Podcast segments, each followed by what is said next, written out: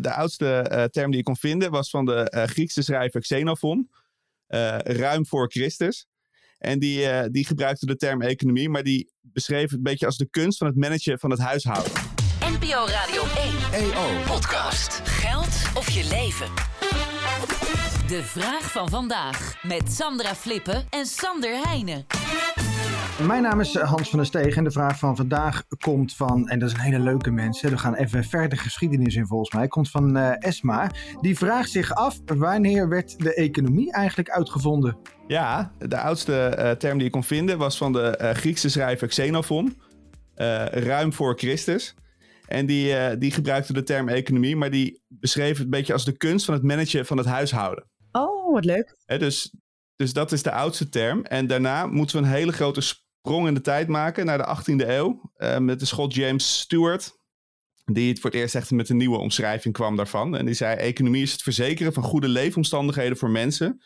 En zorgen voor voldoende werk, zodat iedereen bij kan dragen. Uh, en het creëren van een bloeiende samenleving gebaseerd is op wederkerigheid. En, en na Stewart begint Adam Smith erover te schrijven. En dat is wat de meeste uh, gestudeerde economen als het vertrekpunt zien van de economie, volgens mij. Ja, ik, voor, voor mij is dat inderdaad ook Adam Smith. Maar ik vind het heel leuk waar je mee begon. Want dat huishoudboekje, het managen van je huishoudboekje, dat is eigenlijk hoe je uh, op dit moment nog steeds hoe de uh, ja, economen beroepsvereniging heet. De Koninklijke Vereniging der Staat Huishoudkunde.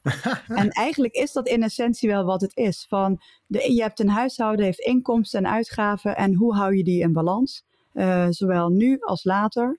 En dat geldt eigenlijk precies hetzelfde voor de overheid.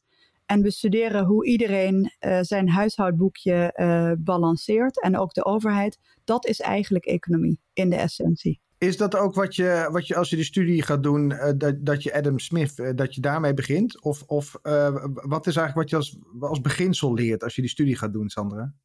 Je valt eigenlijk e-, eerder in, in het hedendaagse economie. Dus je komt met ja, economische begrippen zoals wat is een afruil. Dus bijvoorbeeld als je, van het, als je een, een, een, euro uitgeeft aan, aan het een, dan betekent dat dat je iets anders minder kunt ja. besteden. Maar ook bijvoorbeeld het hele concept van als je een af, afweging wilt maken tussen zal ik dit kopen of niet. Met het geld, of zou ik daarvoor lenen bijvoorbeeld? Dat je dan ook eigenlijk altijd moet nadenken van Um, uh, wat, is het al, wat is de alternatieve optie die ik heb? Wat zijn daar de voor- en de nadelen van? En hoe wegen die voor- en nadelen ten opzichte van de beslissing die ik wil gaan nemen? En dat, dat noem je in economenland een counterfactual. En dat is echt heel kenmerkend voor economie.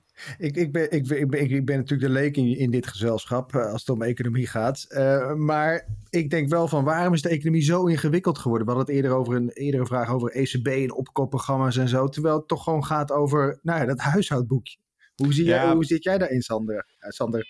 Kijk, uiteindelijk denk ik dat economie, je kan het op verschillende manieren definiëren. Maar uiteindelijk is het natuurlijk de optelsom van het individuele handelen van 7 miljard of bijna 8 miljard mensen ja, alles wat, wat die doen, uh, dat bij elkaar opgeteld is wat de economie is. En, en, het, en het feit dat we daar uh, als samenleving sturing in proberen te geven via overheden, via centrale banken, via gewone banken, is denk ik iets heel goeds. Anders wordt één grote chaos. Maar dat maakt, mm. juist omdat we er allemaal een beetje invloed op hebben en allemaal iets anders doen vaak uh, dan wat in het bredere algemene belang is, maakt dat het gewoon ongelooflijk complex is geworden.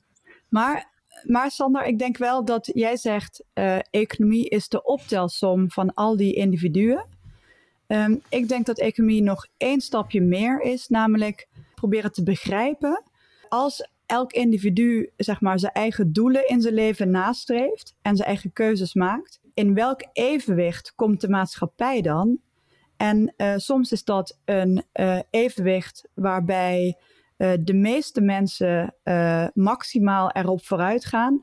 En soms is dat een evenwicht waarbij uh, grote of misschien wel de meeste mensen erop achteruit gaan. Onder welke voorwaarden creëer je nou zoveel mogelijk welvaart voor zoveel mogelijk mensen? Welk evenwicht draagt daar het meest aan bij? Dat is waar economie om draait in de wetenschap. Ja, dat vind ik mooi, want daarmee ben je eigenlijk terug ook bij hoe Adam Smith ook begon. Hè? Dat was geen econoom, want dat die wetenschap bestond niet. Dat was een moraalfilosoof. Die zat aan het begin van de industriële revolutie in Schotland.